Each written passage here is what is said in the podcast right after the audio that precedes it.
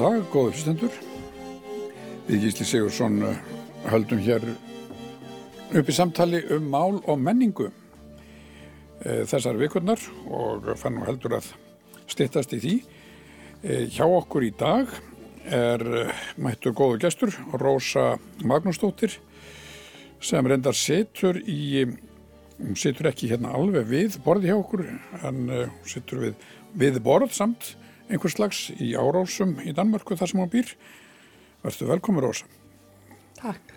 Já, Rósa er dósend í sagfræði við Háskólan í Árásum þar sem hún hefur stundið kjenslu á rannsóknir frá árunni 2007.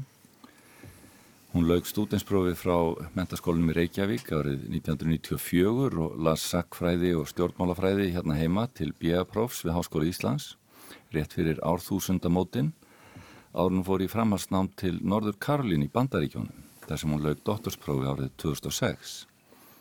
Hún er búið í Rústlandi og Þískalandi og sérhæft sér í notkun áróðurs í kaldastriðinu.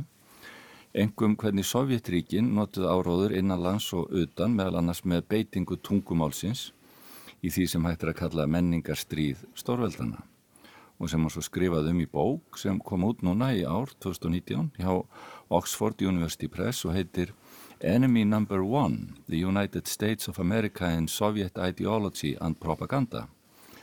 1945 til 1959. Og Rósa hefur verið virk í alþjóðlegu rannsóknarstarfi um kaldastriðið en einni byrt nokkrar mikilvægir greinar um kaldastriði hér á landi, stofnun vinafélaga stórveldana, ferðir íslenskra ungmenna og æskulíðsmóti í Moskvu, lýsingar íslenskra höfunda og ferðum til Sovjetríkjana og hvernig mann held upp á byltingaramælið og 7. november hér á, hér á Íslandi. Og þessar rannsóknir hafa beint aðtiklina í hjónunum Þóru Vigfúsdóttur og Kristni Andrisinni en þau voru mjög miðlægi reyfingu íslenskra kommunista, Kristi meðal annars einna stopnendum máls og menningar og framkvæmda stjóri þess bókmæntafélags fyrstu 34 árin. Ég vil byrja á að óskaði til Hamingjurósa með hann glæsilega árákur að fá bókina þín að útgefna hjá Háskólaforlægin í Oxford. Já. Og þú vilt kannski segja okkur frá því hvernig á því stóð að þú leittist út í rannsóknir á kaldastriðinu hér heima og Erlendis með áherslu á einmitt mál og menningu í áróðustríði stórveldana. Já, já, ég fór í sagfræði eh, eftir, eh, fljótlega eftir stúdinspróf heima á Íslandi og ég var bara svo heppin að, að þá var til dæmis Valur Ingemyndason nýkomin heim frá bandreikjunum og var að kenna mjög spennandi kursa um kaldastriðin og ég skrifaði björritger hjá honum sem fjallaði um þá menningastrið Sovjetríkjana og bandreikjana á Íslandi þarna árunum eftir stríð. Og litist þá úti að hugsa mjög mikið um Sávetríkin og um Rúsland því að þá var líka valur að koma út með þessar bæku sínar um uh, tengsl Íslands og bandaríkjana í kaldastriðinu en mér fannst þá spennandi að skoða hínallíðina mm. og fór þess að þá í doktorsnámi bandaríkjunum og endaði þar í svona rúsneskum fræðum. Doktorsnámi mitt hefur alveg áherslu á rúsneska sögu og ekki bara 20. aldarsögu, ég þurfti að fara í gegnum, uh, já, bara læra vel sögu Rúslands og Östur-Európu En um, já, mér fannst það strax spennandi þegar ég fór að skoða vinafélugin á Íslandi og það var þá sérstaklega mýr eh, menningatengsl Íslands og ráðstjórnaríkjana sem að fekk aðtikli mína þarna í eh, björritgerðinni og svo, og svo var það auðvitað upplýsinga þjónusta bandaríkjana því ég tók þarna báðar hliðar. En sá þá að ég þyrti að læra rúsnesku til þess að komast alminnilega inn í rannsóknir um sovjet hliðina þó að í upphafi hafi mér fundist sagt, eh, tengsl Íslands og Sáðuríkjana mest spennandi að þá endaði á því að, að fara bara beint inn í sovjet sögu og verða svona sovjet uh, fræðingur, sovjet sögu fræðingur. Mm -hmm. Og, bein, og beinleginni sjá, lagt þig eftir tungumálun? Já, ég þurfti að læra rúsnesku til þess að geta lesið heimildir Aha. og það var nú, það var alveg, já, ákveð átak þarna, ég var komin um miðjan frítusaldur þegar ég bætti við mig þessu nýja tungumáli en það var vel þess virði. Og ég segi nú ofta að hérna, ég er mjög vel læs á svona rústnesk, eða svona sovjaskar uh, svona skrifræðis heimildir oh. búin að lesa mikið um hérna, já, svona opinbergögn og alls konar hérna, sovjerska sovjeskan stíl sem er mjög, mjög sérstakur. Það er ekki alveg sami stílinn og Tolstói og Dostojevski, svo það er mjög tekið. En þú er mitt tengir við fortíðin eða hefðina í Rústlandi og Sovjetríkjónum hvernig já, Stalin og stalinismin eftir stríð byggir á henni þegar verður að móta hugmyndina um bandaríkin. Þar þú byrjar á þessum skemmtilega eh, andartæki þegar herir eh, bandamanna og stórveldana hittast við Sakselvi og allir eru vinnir og halda nú sé bjarta fríðar framtíð í auksín og svo fer, fer já, sagan í aðra átt.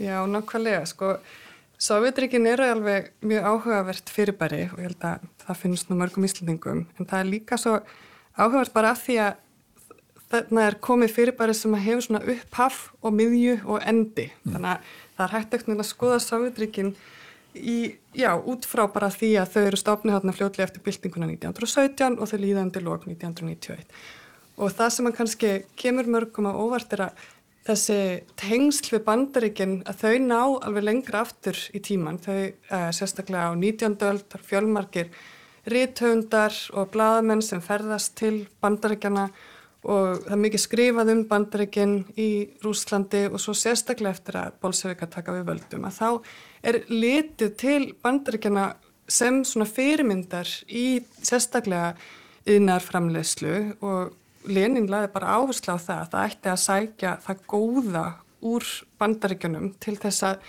hjálpa til við uppbygginguna í Sovjetríkjunum og auðvitað voru samt bandaríkinn hérna sko hugmyndafræðilega ekki á sömu línu en það var alltaf svona þessi möguleiki að sjá það jákvæða í bandaríkjunum. Þanga til einmitt þarna eftir setni heimstyrjöld að Stalin kemur þannig með bara fyrirmæli til allra sem að vinna við skapandi störf og bladamenn og alla sem hafa með miðlun að gera að þeir eigi núna að lýsa bandryggjunum á mjög and-amerískan hátt. Það, það, bara, það koma bara bein fyrirmæli um hvernig best sé að gera það og höfundar uh, þurfa núna í sum tilfellum bara að endur skoða fyrri verk til þess að núna gera þau sem uh, já, sem svona mest andamerísk eins og, eins og hægt er og þetta reyndist ekkit öllum neitt auðvelt út af því að það hafði verið hægt talum bandaríkina á hvaðan hátt fyrir stríð og sérstaklega þetta meðan á stríðinu stóð þegar að þeir voru bandamenn að þá það var erfitt fyrir bæði þá sem að þurft að framlega þetta efni og þá sem að tóku við því að uh, snúa þessum forna vinu upp í núna algjöran erki óvinn. Þannig að, já. Og þetta er einhver, einhver innanlandstörf fyrir nýjan óvinn, fyrir já. Stalin til að halda upp í stemningunni í, í þessu viðfæðma ríki. Já, það var auðvitað þannig, sko að Sovjetríkin höfðu alla tíð uh, þurft á óvinnum að halda þegar að fyrst er það auðvitað borgarastriði þar sem að kvítliðar er á móti rauðliðum og svo eru það uh, hérna, ríkir bændur verða óvinnir í, í yðnbyltingunni og samirkjubúsvæðingunni og svo eru það auðvitað nazistar sem, það var nú ekkit erfitt að samina uh, rúsa og sáðmenn á móti uh, nazistum en það reyndist þeim frekar erfitt að sannfæra almenning um að núna væri, væru Amerikanar nýju óvinnurinn. Mm. Það eru svona ákveðna kenningur um að Sovjetrikin hafa alltaf þurft á óvinnum að halda til þess ymitt, eins og segir, að halda stemminguna, að viðhalda trúni á að þessi samfélagsuppbyggingundir merkjum sósialismans væri svo eina rétta. Það þurfti beinlinis að búa til, þurfti að setjast niður og búa til almenlegan óvinn. Já. En þú getur þá parið kannski yfir hvað, hvað er það sem eh, hérna, áróðusmaskínan tekur fyrir og, og leggur áherslu á því að þeir, þeir eru líka glíma við þessa jákvæðu fortíð og einhvern veginn halda þeim þræði lifandi.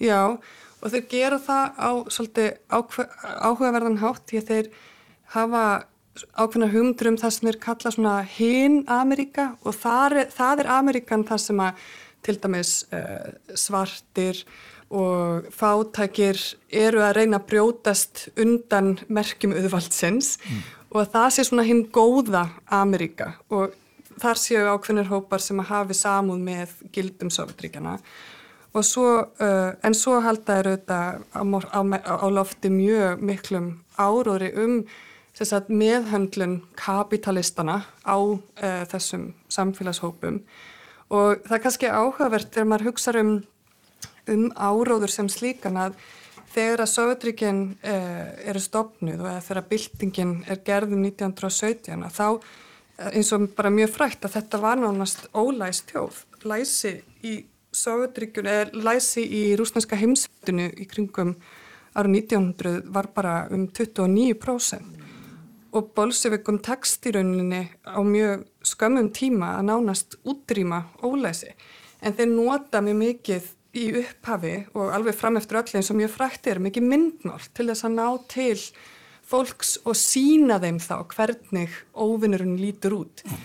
og það er til dæmis á hérna, forsiðumyndin á bókinu minni er mjög frækt svona andamerist plaggat frá árinu 1947 og þar sést til dæmis frelsistittan með hengilás og ofan á henni stendur lauruglu þjótt sem er svona svolítið eins og svolítið hundslegur kapitalistar voru mjög oft syndir sem svona, svona já svona ég myndi segja á ennsku bulldog, ég veit ekki hvað það heitir á íslensku.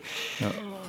Og, og, þeir, og þeir er með sækja í að þýða þessar, þessar bókmentir eins og uh, með Kova Tómasa Frænda og, og höfunda eins og Upton Sinclair sem að Haldur Lagsnes var mjög hrifin af Já, á Kaliforni árum sínum og hérna, Jack London og John Steinbeck og Haldur Lagsnes líka. Já, ymmið. Og það, það þótti þeim alveg, sko, þessir höfundur hafðu svo mikið gildi. Það var svo gott fyrir það að fá sko höfunda frá bandaríkjónum sem voru gaggrinir á bandarist og kapitalist eh, fyrirkomlega eða vestrana höfunda almennt eins og, eins og þetta Haldur Lagsnes. Þannig að það, það var þeim mjög dýrmætt. En svo til dæmis að þú nefnir Kova Tómasa Frænda sem var bara ein mest prentaða bók, hún var kend í skólum og og var mjög útbreytt í Sóðuríkjunum, þessa bók þekkt eiginlega allir, að þegar svo framlýða stundir og Stalin deyr og Krusjófi tekið við völdum, þá er hérna koma, já þá, þá fara sovjetmenn aftur að umgangast uh, bandaríkjamenn í svona sendinendaskiptum það gerist, Stalin lokar svolítið á það, eiginlega bara alveg frá árinu 1947, það er mjög lítil samskipti við bandaríkjaman en það opnast aftur þegar hann deyr og árið 1955 fara eh, eru þessi samskipt svona endur lífguð og þá fá sendinemndamenn í band, soviski sendinemndamenn í bandaríkjanum þau skilabóð frá já, vinveittum bandaríkjamannum hérna, að þessi áráður sé nú mjög úreldur að þeir verði að hætta að tala um bandaríkinn eins og ástandi sé ennþá eins og það var í Kovatómas að frænda. Það hafi nú ímislegt gerst síðan þá og í, í hérna, alls, já, baráttumálum hérna, svartbræði Ameríku og, og félagslegum reyfinleika og alls konar hlutum. Þannig að þeir koma heim með þau skilabóð að, að þeir verða hætta að, að vera alltaf að vísa í Kovatómas að frænda. Skiptum bók skiptum bók og skipta og þetta, en þetta sýnir líka hvað svona einangrun er hættuleg því að þú getur endalust hérna, haldið uppi ykkurum áróðri en svo þegar þú opnar já, fyrir möguleikan á samskiptum og ykkurum tengslum að þá ferðu gaggrinni og það kannski veku fólk til umhugsunar mm. já, það, það kannski kemur svolítið inn á kemur inn á það sem að um, þegar maður hugsa um sko hvernig svona áróður og hvað, hvernig hann er komið á framfæri við uh, almenning, að því nú er ég búin að vera að ræða um þarna, hvernig sovjetmennum er stjórnað, að það, þetta var mjög loka samfélag hérna fyrsta árum eftir stríð, en það voru ákveðnar, uh, ákveðni miðlar sem að náðu inn í Sovjetríkinn, til dæmis hérna, útvarsútsendingar bandaríkjana.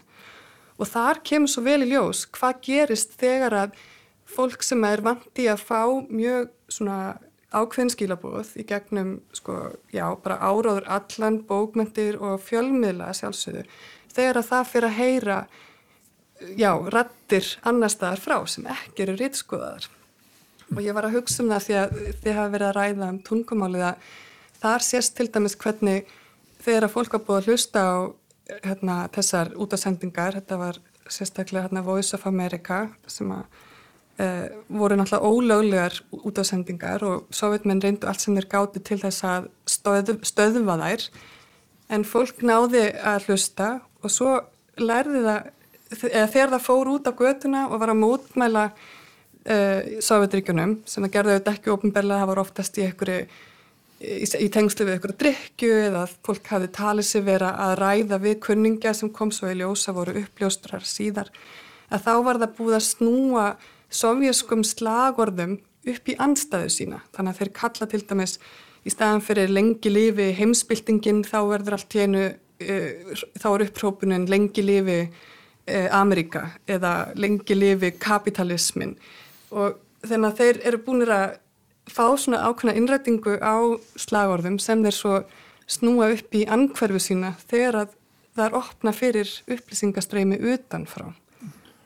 En hvað er hægt að álíkta eða komast eitthvað að hvernig þessi ímynd komst í gegn og hvenar fólk byrjar að snúa þessu við í hausnum á sér með þá hugmynd að stjórnveld séu að ljúa bara öllu sem þau segja og fólk trúði því ekki lengur að eða ekki eins og bandaríkjum væri í Vietnamstríðinu, það væri nú bara enn einn lega þvælan úr, úr áráðsmaskinni.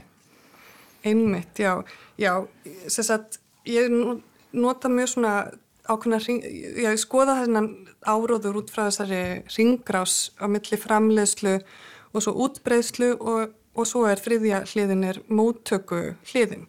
En hún er, hún er langt erfiðust og ég þurfti mikið að grafa og leita í rúsneskum skjálasöfnum til þess að komast nálægt í að fá okkur hugmyndur um með hvernig, hvernig árórunum var tekið og svo er í rauninni mjög erfitt að segja hvaða áhrif hann hafði.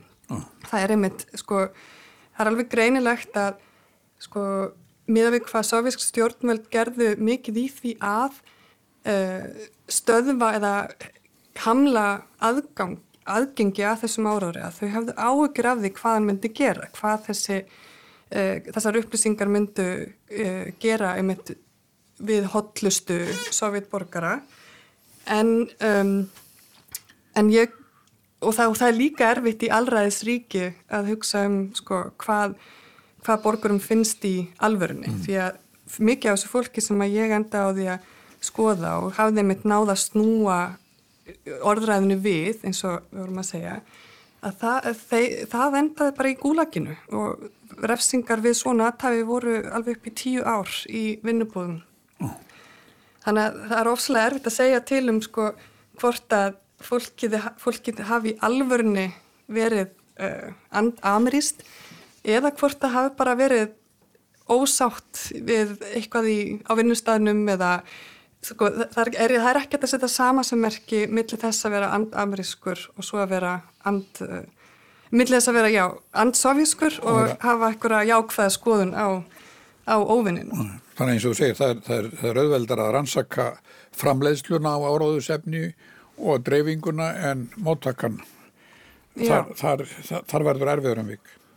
Það er mjög erfitt og það var mjög lengi, fannst fólki það mjög freistandi að álykta bara að, af því að Sáðuríkinn voru aldriðisríkja þá hefði, hefði sagt, já, þá, þá var það kúa og sko, við vitum það alveg að, að það voru ekki frjálsar, það var ekki, ekkert skoðanafrelsi í Sáðuríkunum en það er samt ekki alveg hægt að álykta um að fólk hafi bara alltaf verið á móti og þó að þú sért eitthvað hlýðhóllur bandaríkunum að þá ert ekki endilega sagt, ekki líka ættjarðavinnur mm. sama tíma. Njá, þetta, þetta er, er ekki einmitt rannsóknir að fara aðeins yfir á þetta sviðar en átt að sjá hvernig daglegt líf hefur verið í þessu ekki í þessum já, fyrirfram tilbúinu myndum því að ekki, það var ekki bara sovjetmenn sem bjökuð til mynd af Amríku heldur var líka búin til mynd af lífinu hjá þeim jú, hérna meginn og nú er fólk kannski einmitt að fletta ofan af þessu að svona hafi nú kannski veruleikin ekki verið hérna megin og ekki hjá þeim heldur eins og áhugaðsmaskínundnar Algjörlega og það er einmitt já það var meira að segja á þessum tíma að þá voru uh, já, sérstaklega vinveittir bandryggjumenn sem voru að reyna að hjálpa sovjetmönnum með áraður að þeir sögðu ítrekkað að, að sovjetmenn ættu að senda meira efni þá til þess að prenta í prentmiðlum eða sína í svona frétta innskotum eða litlum heimildamindum sem að síndu daglegt líf í Sovjetríkjunum. Það veru allir orðni leiðir á að sjá traktora og versmiður en það væri miklu, miklu meira áhugavert og myndið mitt sína Sovjetmenn í betra ljósi ef að þeir bara síndu þá í, í görðunum eða við leik, já, í, svona, í þessu daglega lífi. Mm. Og, Nei, það var, eh, eh, þú nefnir, nefnir þetta með að það sé leðilegt að horfa á traktora mjög lengi, eh, sko, en það, það varð til heilmikil starfsemi á menningarsviðin, ekki satt, þar sem var verið að senda til dæmisinga til Íslands, e, listafólk, tónlistarfólk og fleiri. Jú, alveg gríðilega mikil, þannig að, og það má kannski segja að það var samt ekki alveg svona daglegt líf því að listafólki var nú oftast og sáðmenn voru mjög framalegið því að senda mjög, mjög góða listamenn, klassiska listamenn. Orðspór þeirra byggðist mjög upp og þetta er sérstaklega í kaldastrun á því til dæmis að senda uh, Balsjói ballettin, naut mikill að vinsalda út um alla Evrópu og líka í bandarækjunum og kór Rauðahersins afar vinsall líka. Já, já og Íslandingar voru mjög hefnir því þeir fengu mjög mikið af uh, sendifulltrúum og þess að sendinemdir uh, það er að hluta til út af bara legulandsins að þær gáttu stoppa hér, kannski að leiðin eitthvað annað. En það var líka út af því að íslenskir kommunistar voru bara mjög öflugir í samskiptum við, við Moskvu og Já. Og þeir einmitt taka líka þessa höfunda sem voru til útlutnings eins og Gorki og Majakovski og það verða þýða þetta hér og, og, og dreifa og einmitt til þess að koma svona einhverju jákvæðri hugmynd inn í okkur og líka myndin sem verður þeirra fabrikera í áráðsmálaráðunetti Stalins af, af Vesturlandum og hún er mjög, mjög tekið undir hana á Vesturlandum hjá vinstrimannum þó að menn hafa á endanum eh, hafna Sovjetríkjónum sem svona andlegum leiðtóðum lífsins þá lifði þessi mynd miklu lengur. Já, algjörlega. Já, það er líka alveg mjög ábyrgand eins og þegar ég skoða skrif Kristinn segi Anderssonar að hann er, hann er auðvitað mjög hlýðhallega Sovjetríkjónum en hann er mjög líka and-amerískur. Og það náttúrulega spilar þessi sérstæða Íslands mjög stert inn í að hafa alltaf þessa herstuð í kaldastriðinu að það, það er mjög stert í, í öllum skrifum íslenskra kommunista. kommunista. En varð á þessum tíma eftir stríðið og, og þessu, á þessu hápunkti kalda stríðsins mm, síðar, eh, sko varð allt áróður? Var áróður, bú, var, var, hvað var að segja, var búin til veruleiki eins og þú ert að lýsa, jú, í Sovjetríkjunum, það var reynd að búa til mynd af ofinnum, en var, gildi þetta í rauninu um alla? þar sé var líka fra, Hollywood framleiðslan einhverju leiti sett undir fyrir, fyrir þennan vagn? Já, þetta er alveg áhugaverð spurning sko. Ég get ég, hvort allt hafi orði áraður þegar ég hugsa til dæmis um Kristinn og hérna fjörða áratvín heima á Íslandi þegar uh, rauðir pennar uh, já, félagabildingar sinna rétthunda fyrir að gefa út hérna rauða penna þá er mjög ábyrgandi í hvernig sko þessi hugmyndum að það þurfi að íta undir byltingu nær yfir bæði, nær yfir öll svið fyrir inn í pólitíkina og stjættabaratan og pólitíkin og svo eh, það sem gerist þarna við vinnir að það verið árið 1932 að Stalin hann lýsi því yfir að ríthöfundar séu verkfræðingar sálarinnar oh. verkfræðingarnir voru þetta mjög mikilvægir í Sovjetríkunum eh, já, bæði út af því að það var, þarna var mikið á ungu fátæku fólki gefun kostur á því að komast til menta og þá voru þetta verkfræðingur það bara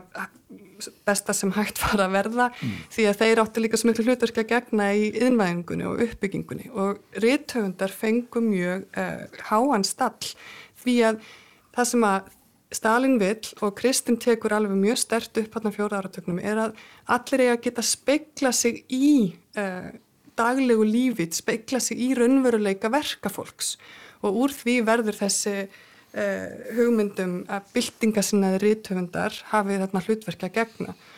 Og ég var, ég var aðeins verið að hugsa um þetta því að á sama tíma er Kristinn hérna mjög virkur með Sovjetvina félagið sem er miklu breyðari félagskapur heldur en félagbyltinga sem er rithunda en það sem að við höfum haft eða já, mestan áhuga á eða mesta, mesta aðtikli hefur fengið er e, félagbyltinga sem er að rithunda mm. því þeir skildi eitthvað eftir sig sem að er þá líka skáldskapur ekki bara áráður um, þannig að það er kannski já, áhugavert að hugsa um sko þegar að því að flest skrif rauðra penna voru mjög lituð af þessum já, ég segi kannski ekki fyrirmælum en þessari hugmyndum að fólk þurft að geta speikla sig í hugmyndum sem voru ekki sko svona auðvaldsliteratúr uh, eins og Kristinn uh, kallaði sko þá sem honum fannst ekki nógu byltingasinnaður þarna á þessum tíma. Og þessi hugmynd lifiði nú mjög lengi hér bara í kröfunum að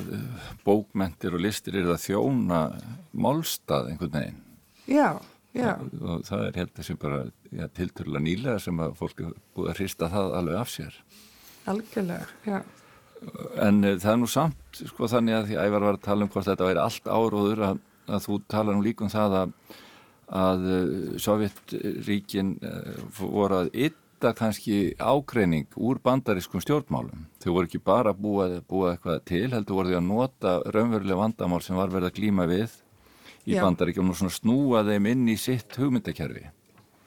Algjörlega, og, já. Og þannig að þau voru ekki bara, ég er að segja að þau voru ekki bara búið þetta til og það heldur fá fólk til að hugsa eftir sínum brautum og þá einhverju leiti að kljúfa sko, óvinnin.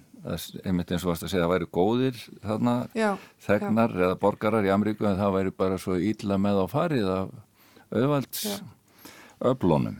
Já, einmitt og það hefur nú verið bent að það líka bara í rannsóknum um sko svona andamerikanisma almennt að hérna oft eru þeir einmitt að benda á mjög raunveruleg vandamál og í rauninni hefði kannski þessi stefna geta fengið breyðari fylgjendahóp en hún fekk því að í rauninni voru þeir alltaf bara að tala við sko fólk sem var nú þegar hérna, ef ekki kommunistar að þá var það mjög svona hlind kommunisma sem slíkum og, það, og ég bendi á það líka bókinni að þeir benda mjög ofta raunverulega mandamál en þeir gera það bara á svo yktan hátt, það er þar sem áróðurinn liggur. Að bæði myndmálið og sko, skrifin og þetta var, sendt, þetta fór út um allt sko, sirkus sem er náttúrulega mjög vinsaltist form í, í Sáðuríkunum og Rúslandi að þar voru bara búin til sketsar sem að voru andamerískir þetta fer út um allt en þeim að benda á það eftir því sem tíminleið að ef þeir bara myndu milda þennan áróður, ef þeir myndu bara koma með staðrindir sem að voru alveg nógu grimmilegar því að auðvitað var ekkert allt gott í Ameríku að þá kannski myndu fleiri verða uh, já, verða áhuga samir um þennan áróður en af því að, af því að hann var svo já bara svona, hann var mjög hvað segir maður á íslensku svona uh, harður. Já, og ballalegur nánast svona já, já. í einfeldni sinni, finnst okkur núna. En svo einmitt já þú talar um að það breytist þessi ímynd með þýðunni í, Krúsjóf og, og þá séu þeir að dempa þetta niður og og þá jáfnveil fer maður að hugsa um það að því að þú talar um þessa laungu hefð að tekna upp einhverja mynd af bandaríkjónum í ferðabókum og höfundarverkum frá því alveg fyrir byltingu hvort að þetta sé ekki bara rúsarnir séu að yfka sína gömlu góðu síði núna þegar þeir eru að reyna að eh, hafa áhrif á stjórnmál í bandaríkjónum meint áhrif, það má nú ekki segja upp átt að það sé ofinbert en hvort að þetta sé ekki bara gamla góða hefðin að reyna að kljúa þarna þjóðfélagið og búa til einhverja andstæða hópa sem að eða ytta andstæður sem að eru fyrir? Já, jú, jú og ég bendi nú á það í svona smá eftirmála hérna í bókinni að því þú myndist á hérna að uh, ég byrja hérna á þessum fundi bandariskra og sáskra hermana við Ána Sakselfur í Þýskalandi sem að fekk mjög mikið vægi sem svona augnablík þar sem að mikil bjart sinni ríkti og, og að núna væru framöndan góða stundir og sérstaklega fyrir sovjetmenn sem að hafðu náttúrulega þjáðst alveg ótrúlega mikið í síðari heimstyrjöldinu og mun meira heldur en bandarækjamenn og allir aðrir. e, já, eða margir aðrir og hérna uh, þetta verður svona stef í gegnum í rauninni alla 20. stöldina og alveg til dagsins í dag því að þegar að Khrushchev kemur fram og byrjar hérna, að milda þessar hugmyndir í garðbandaríkjana að þá er eitt af því sem hann tekur upp er þessi samvinna sovjetmanna og bandaríkjana í síðari heimstyrjöld. Stalin hafði bara bannað að þetta erði rætt. Auðvitað var mikið rætt um stríðið og fórnir sovjetmanna en það mátt ekki ræða hlutverk bandaríkjana í þessum sigri. Mm. En Khrushchev gerir það bara mjög uh, strategíst að hann tekur þetta upp og alltaf með það markmið að segja við höfum unnið saman, við höfum sínt að við getum unnið saman og nú verðum við að halda því áfram. Og talandum svona orðræðu og hvernig fólk bregst við, það, ég sá það í mínum heimildum að fólki fannst bara óbúslega væntum að fá að tala um bandaríkinn á þennan hátt, mm. að það stökk alveg á, á þessa orðræðu um friðsamlega sambúð og að hún byggði á þarna nýlegum viðbörðum sem voru þeim bara í fersku minni mm. og svo hef ég séð í rauninni gegnum alla 20. öldina og alveg fram á já, 21. öldina að þegar að það kom svona þýður í samskiptum Rúslands og Bandaríkjana að þá er þetta tekið upp aftur. Þeir gerði það hérna með Dvetjef og Obama sem voru nú, uh, það var svona, uh, svona ein bestu, eitt besta tímabili núna í samskiptum Rúsa og Bandaríkjana 2001. öld, að þá var þetta tekið upp alveg aftur og reynda að hugsa, já við höfum við höfum eitthvað saminlegt og við höfum eitthvað gert ah. en svo má alveg segja mitt eins og þið bendið á núna núna sé verið að fara ennþá lengra í, þennan ameríska kassa og ytta þær anstæður sko Rósa mjög áðurinn við snú okkur kannski að, að, að aðeins meira Íslandi og kristni e. Þú hefur rittstýrt bók um, ekki hvernig á að kalla það íslensku, velbúnað áráðusins eða Já. Sko, er verið að, er, eru þið fræðimenn að, uh, hvað var að segja, að greina og rannsaka bara fyrir bærið áróður uh, í, í, í, í viðu samengi? Já, já, sko, það eru nú ekki margir kannski sem að myndu tala um áróður, sko, sko það, já, besta orða aðeins öðruvísi því að við erum að skoða, sko, áráður og svo er ég líka mikið að skoða það sem á ennsku heitir public diplomacy. Það er svona ofinbært upplýsinga og kynningastarf. Það geta bæði verið stjórnvöld og það geta verið alþjóðsamtök en það er þessi bara viðleitni til þess að skapa jákvæða ímynd og framkalla ykkur jákvæð hughrif hjá þá ykkur um erlendum hópum. Mm. ég er mikið að skoða alltaf í svona þverð þjóðlegu samhengi.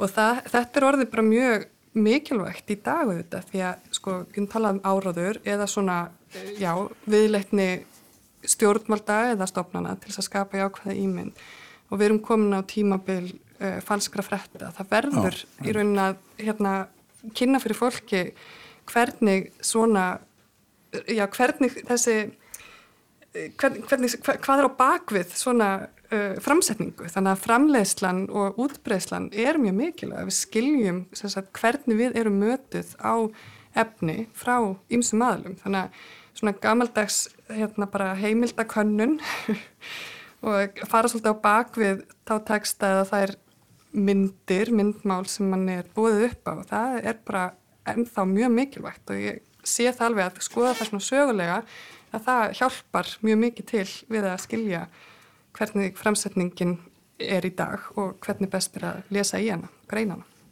Eru ekki rauninni alltaf að tala þarna um þetta valdið á tungumálun, hvaða orð eru notuð um já, það sem við ætlum að tala um og kynna okkur? Og núna þetta erum við að færa okkur já. úr því að tala um áróður og um tala um kynningarefni og skapa jákvæða ímynd. En í rauninni er það Það sem við kallum, kallum áróður áður en þetta er bara orðið fallir orð og, og einhvern veginn eh, stofu hæft í, í betri... Kynningarfull trór, almannatengsl og svo framins. Já, í betri húsum.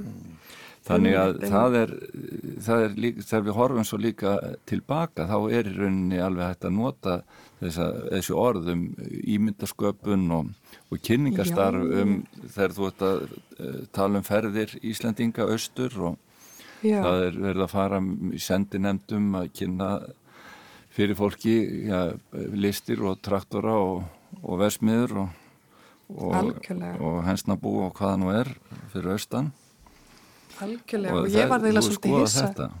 Já og ég var alveg svolítið hissa þegar ég sá að bara þarna á, í kaldastriðinu og sérstaklega á sjötta áratögnum að þá eru margum í nútímalegar aðferði notaður til þess að kanna, sko þeir sovjetmenn voru með rínihópa í bandaríkjunum um hvaða efni myndi virka best sem ég fannst nú bara ótrúlega ótrúlega svona, já, velgert þeir voru þá með svona velviljaða uh, bandaríkjaman sem að bentu þeim á hvernig já, hinn almenni bandaríkjamaður myndi breyðast við ákveðnum hlutum og svo, og svo framvegis. Og ég sá þetta líka ég var að hugsa svolítið um það varandi málumenningu og, og þetta útgáðu starf Kristins sem byrjar hérna fullum krafti á fjórða áratögnum að hann sapnaði áskrifendum uh, að já, rauðu hættunni eftir Þorberg Þórðarsson og þetta er nú bara svona nútíma hóp fjármögnun.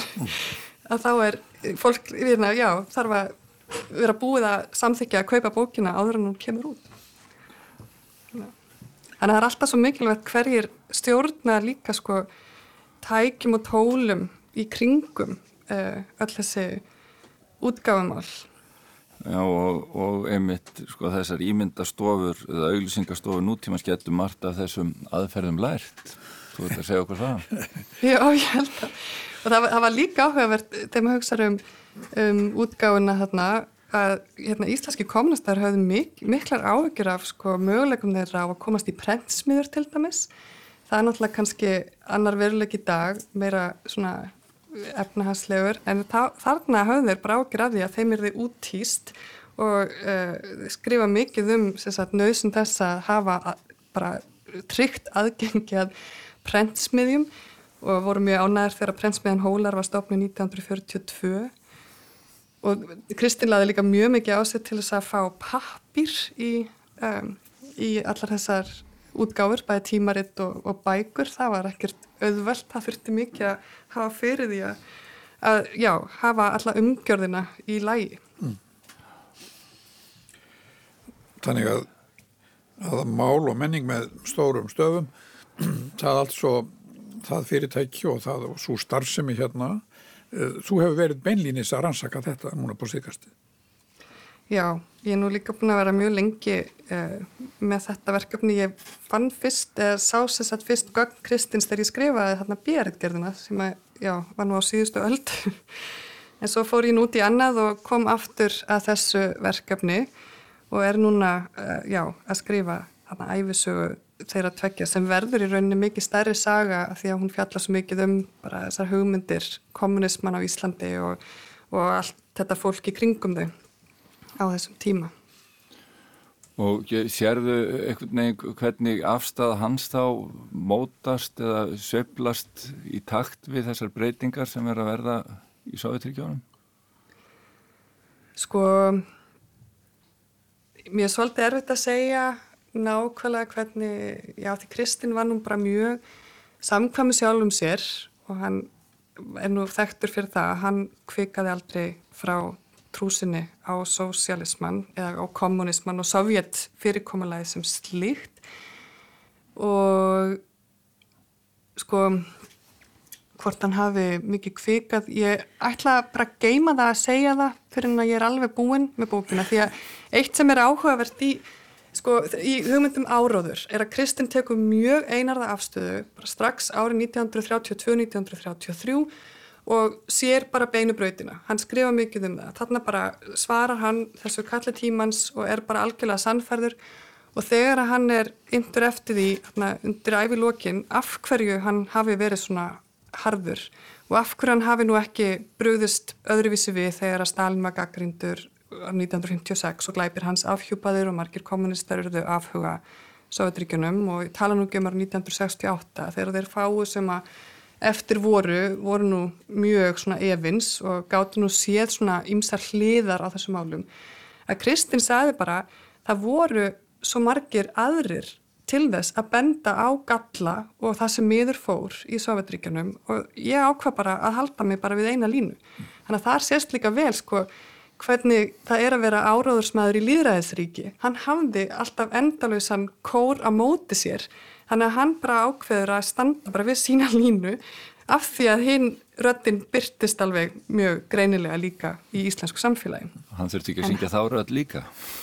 Nei, mér fannst það svolítið áhugavert að því að honum hefur oft, já það er oft svona að tala um hann sem bara er á nei, þetta var bara, en hann, hann skilir þér svolítið þessa trúsuna þannig og þá sé ég líka þennan áróðurs mann, hann bara er kynningastjóri Sovjetríkjana frá, frá fjórða áratögnum á Íslandi og, og tekur það hlutverk bara alla leið og alltaf.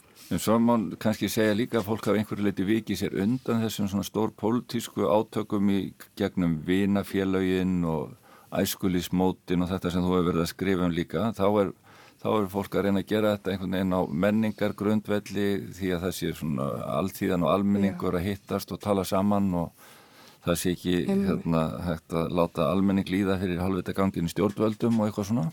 Já, já einmitt, en svo gekk þeim samt mjög illa að fá sko aðra enn kommunist að taka þátt í þessum sendinendum og það, þarna fyrstu árin gengur þeim aðeins betur að fá kannski einhverja, já svona sósjaldemokrata til þess að taka þátt. En svo eftir þessum tíma líður að þá reynist þeim mjög erfitt að fá aðra enn kommunist til þess að fara í bæðisendinemdir og líka þarna, eh, já, æskulismótið er nú svolítið undantekning því að það auðvitað er líka tækifæri til að ferðast ódýrt og sjá eitthvað spennandi út í heimi.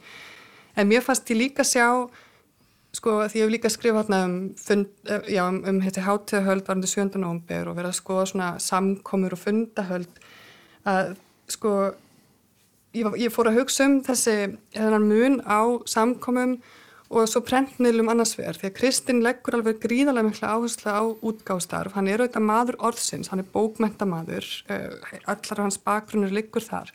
En prentmiðlar og, og útgáfa er í rauninni örugara áróðustæki heldur en fundir og samkomur því að þú nærð mögulega til fleiri en bara kommunista með útgáfu því að það sem er oft sagt um hérna, samkomur kommunista er að þeir sem ekki voru kommunistar, þeir treystu sér ekki til að fara á þessa samkomur og vera þannig í ykkurum vafasöfum félagskap.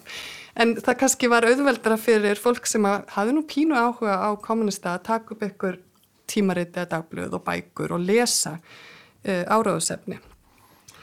En það var sérst öllum bröðum beitt til þess að fá sem flesta til þess að já, taka, taka þátt, fá, vekja áhuga fólks á, á þessu fyrirkomulagi í Sovjetryggjum. Og svo, svo er alltaf líka bara fríðarhefingin, það var nú oft talað um það að hún hefði verið mjög litin jákvæðum augum fyrir austan, fríðarhefingin hér á Vesturlöndum, bara átt að kjarnorku, vopn og allt þetta sem var mjög almenn á tímabili. Já og sko Sávitmenn höfðu nú þetta bara hérna, styrt sín eigin fríðarsamtök og Kristina Þóra voru bæði mjög virk þar í þessum alheims friðarsamtökum þóra í kvenna uh, samtökum og fóru þarna sérstaklega orðum eftir stríð á alþjóðlega rástafnur en það voru, það voru sagt, líka rástafnur sem voru styrtar eða já, af sovjetmönnum þannig að þau, þau, það var alveg mjög mikið af svona litlum félögum uh, endalust hægt að búa til einhverja nýja deild. En það já, öll þessi viðletnið Kristins og Þóri samt er út frá uh, samtökum sem tengjast Sovjetríkunum. En, en svo líka bara hér á landi þá er sko, kristallast þessi svona stórvelda átök í þessum, um þessum menningar félögum. Að þetta var á báða bóa og fólk, þú segir fólk vildi ekki láta sjá sig í tengslum við uh, einhverja kommunista á byltingaramælum og öðru því líku og þá var það eins sko, í sambandi við menningastofnun uh, bandaríkjana þá, þá gæti fólk haft að sér til afsökunar fara að það væri að kynna sér jazz og blues tónlist. Já, ymmið, það er þessuna sem að svona, þegar að kaldastriði byrjar og áróðurinn fyrir að byggjast eins og við töluðum um áðan meira á svona flottum listamönnum að þá er kannski auðveldara að fá fólk sem að er ekki já er ekki almennilega í, með, já, með báða fætur í annari fylkingunni mm. ef við tölum um sérst, kapitalismann á múti kommunistunum þannig að, og líka, svo hefur líka verið rætt um það heima á Íslandi að þar hafi kannski, já, kveikmyndasýningar fengið meiri áhorf heldur en annar staðar út á landi til dæmis, það sem kannski var ekkert mjög mikið annað í bóði kommunistar og fleiri gerða líka að þeir heldu dansleiki en þá þurfti samt að þóla einhvern fund á undan og svo gæt unga fólki farið út að dansa. Þórbjörgur Þórðarsson var, fannst þetta, Þórbergi fannst þetta mjög leiðilegt hvað ítla gengi að fá unga fólki þó það væri búið upp á ball á undan, eða eftir, já. Já, en, en þetta er einmitt, já líka var talsverð menningarstað sem ekki bara í kringum þessar heimsóknir og, og svona pólitíska fundi heldur bara svona í dreifingu á bókmenta og menningarefni um landið. Já, já. Þú hefur skoðað það aðeins líka? Já, já og Kristinn neyði miklu púður í það að fá hérna, fjármagn til þess að kaupa kvikmyndavélar og þær eru bæði sendar út á land en mörg lítil bæjarfjölu bara fengu eigin kvikmyndavélar og, og upplýsingaþjónusta bandarækjana gerði það sama sko. Það voru litlir klubbar bara út um allt land, laugavatni, vestmannegjum eh, og þannig einmitt og ég hef líka heimildir, mikið brefaskrif þar sem fólk er að þakka fyrir tímaritinn þá bæði rétt og rauðapenna og, og lýsa því hversu mikilvægt sé að fá uh, já, í, í svona fá, fálæti. Þannig að kaldastrið hefur komið, hefur, hefur verið virkilega mikilvægt, ekki síst fyrir landsbyðina, það segja það. Já, já, ég sé það alveg því að, og það eru eiginlega margar að skemmtilegastu heimildunum er hversu mikið að brefum fólk uh, utan að landi skrifaði kristni í tengslum við allir þessu sérstaklega útgáfustarfið, mm. eins og ég segja, þessi áskrifenda, að það var, það voru einhverju tryggir sem á gengu út og söpnuðu áskrifendum og svo skrifaður oft hvernig fólk er að bregðast við og það sé nú engungu tveir í, kannski á djúbavogi sem að hafi nú, en, og svona útskýri af hverju það sé og svo leiðist það. Mm.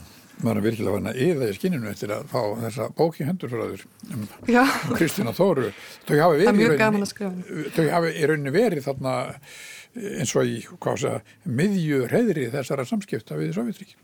Algjörlega. Og Kristinn er með alla þræði úti sko, Sovjetvinnafélagið, já alveg frá því hann tekur við Sovjetvinnafélaginu, hann, já hann er fyrsti formaður þess, að þá er hann í svo miklum samskiptum við uh, alþjóðlega stopnanir, eins og ég segi alltaf á vegum Sovjetríkjana þó að alþjóðasamband Sovjetvinna hafi átt aðsettur í Amsterdam og svo setna er hann í sambandi við ymsar Eh, stofnanir í Sovjetríkjunum og svo líka í Berlín, þessi samtök kommunista, hann er, hann er algjörlega potturinn af pannan í því að halda uppi samskiptum. Og hann leggur mikla ásla það, hann er, er mikil alþjóð að hyggja í, í hans hugsunum, mm. hvernig hann nálgast sko þessa uppbyggingu þessa kynningu á Sáveturíkunum á Íslandi. Hann vil til dæmis láta þýða rauðu hættuna. Hún finnst hún svo frábært áráðursefni að hún ætti bara að koma út á mörgum tungumálum. Þannig að hún fannst Íslandinga líka alveg hafa eitthvað til málun að leggja erlendi sko. Það er þetta með menningar einhvern veginn samskiptu og menningar ja, stríð sem að líka mm. þú svona þetta er nánast að kalla það að fólk er að tefla fram menningunni í staðin fyrir að vera með bissur og, og sprengjur. Já og reyna einhvern veginn að vinna hugarfarið.